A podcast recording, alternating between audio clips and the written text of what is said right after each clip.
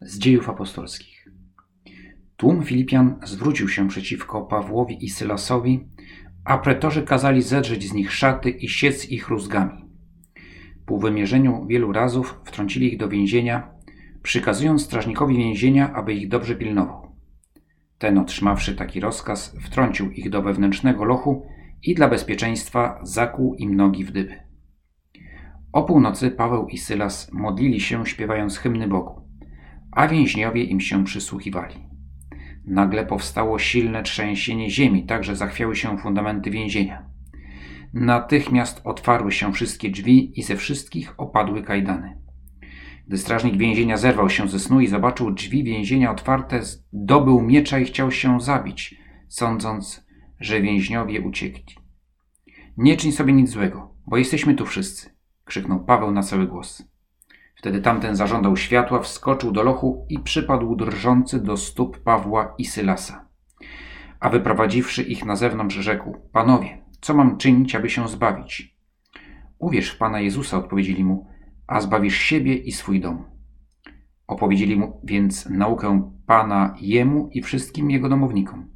Tej samej godziny w nocy wziął ich ze sobą, obmył rany i natychmiast przyjął chrzest wraz z całym swym domem. Wprowadził ich też do swego mieszkania, zastawił stół i razem z całym domem cieszył się bardzo, że uwierzył Bogu. Droga do ucieczki stała przed apostołami otworem, kiedy w sposób niewątpliwie nadzwyczajny, cudowny, otwarły się drzwi y, więzienia i, dyby, czy jakieś tam inne łańcuchy, którymi byli skuci, też e, zostały skruszone. Można to wyjaśnić trzęsieniem ziemi, ale już samo e, rozbicie okowów już na pewno nie da się wyjaśnić trzęsieniem ziemi. Stało się coś nadzwyczajnego, stało się cud. Więc pytanie, dlaczego nie wyszli? Pan Bóg im pomaga, a oni nie korzystają.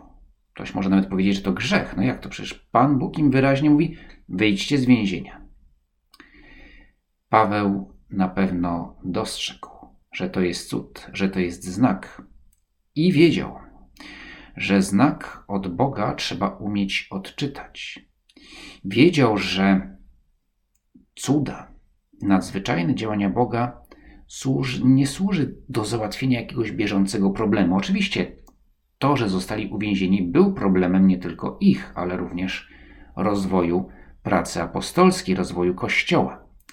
A jednak Paweł, mający głębokie życie wewnętrzne, mający, rozmawiający na co dzień z Bogiem, mający tę wrażliwość na działanie Ducha Świętego, zobaczył, że ta okazja, którą otrzymują, nie, że trzeba ją dobrze wykorzystać i że te otwarte drzwi i skruszone kajdany mają posłużyć czemuś innemu niż po prostu uwolnienie się od problemu, jakim byli, było to niesprawiedliwe uwięzienie.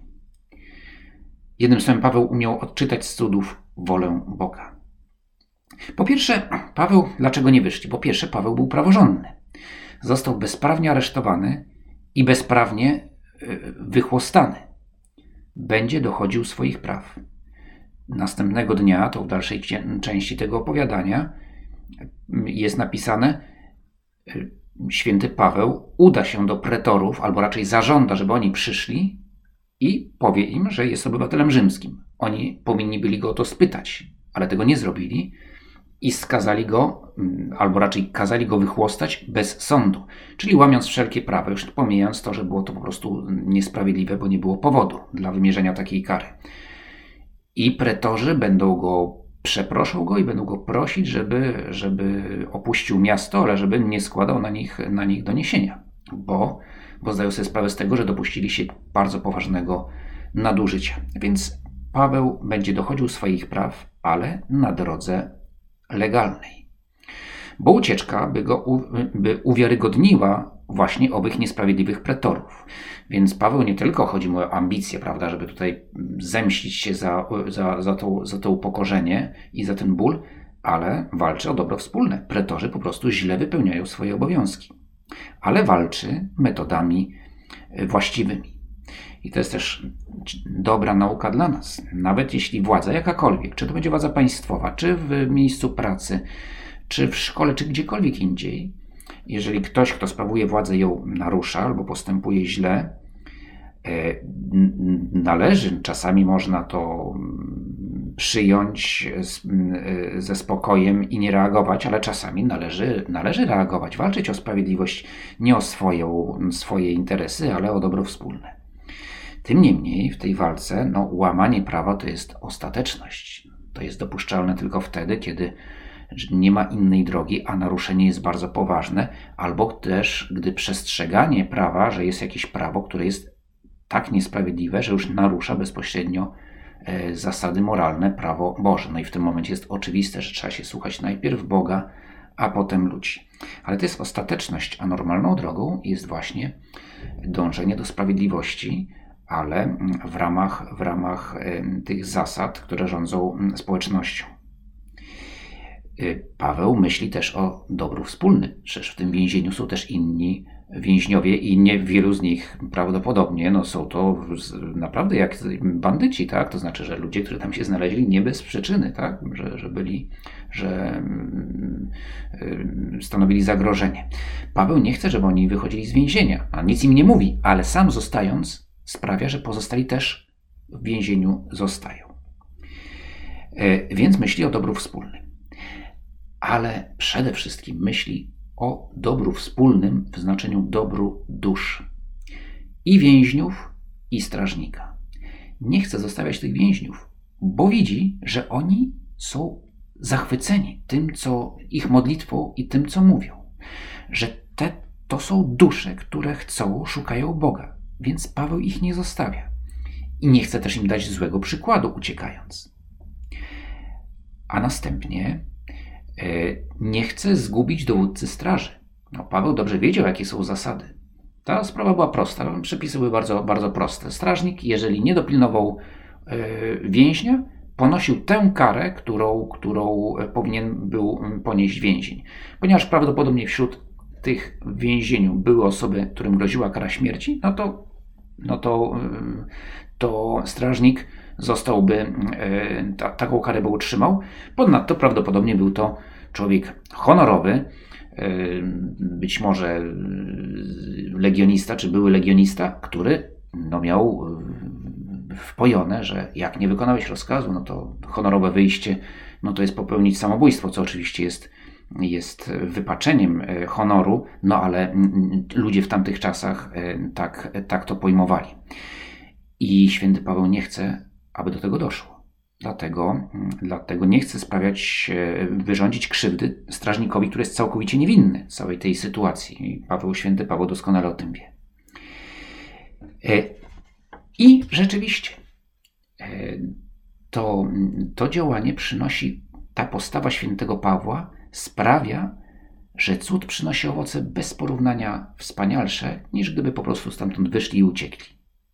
Bo oto E, nawraca się strażnik i cały jego dom, że ten człowiek, zobaczywszy wspaniałomyślność e, świętego Pawła, Sylasa, e, jest zachwycony tym, co oni mówią. Oni stają się dla niego wiarygodnymi świadkami. Nawraca się on, nawracają się inni z jego domu, a prawdopodobnie też nawróciło się wielu spośród więźniów. A więc owoce tego trzęsienia ziemi, tego cudu otwarcia bram i, e, i skruszenia kajdanów są, mm, są naprawdę wspaniałe. I to też nam pokazuje, no po pierwsze, jak, jak umieć dobrze odczytywać wolę Pana Boga, również gdy zdarzają się rzadko, ale jednak się zdarzają takie sytuacje, kiedy wyraźnie widzimy, że Bóg działa, no, pomaga nam w sposób nadzwyczajny, ale żebyśmy mieli dobrze z tej pomocy skorzystać myśląc nie tylko o sobie, ale myśląc przede wszystkim o innych. Ale także widać, jak wielkie owoce przynosi dobry przykład postępowania moralnego. Jaki, jakie owoce przynosi hojność, że strażnik widzi, że oni tam zostali dla niego. Krzyczą do niego: Nic sobie nie rób, my tu jesteśmy, nie bój się. Strażnik, człowiek honorowy, umie to docenić. bardzo często początkiem takim świadectwa, e, skutecznego świadectwa o Panu Jezusie jest nasza postawa e, moralna, że ludzie, inni ludzie, którzy nie znają Chrystusa albo go odrzucają, ale przyciąga ich nasza, czy w jakiś sposób podziwiają naszą dobrą postawę moralną. No ale nie chodzi o to, żeby nas podziwiali, tylko chodzi o to, żeby prowadzić e, ludzi do źródła wszelkiej moralności i wszelkiego dobra, jakim jest Bóg.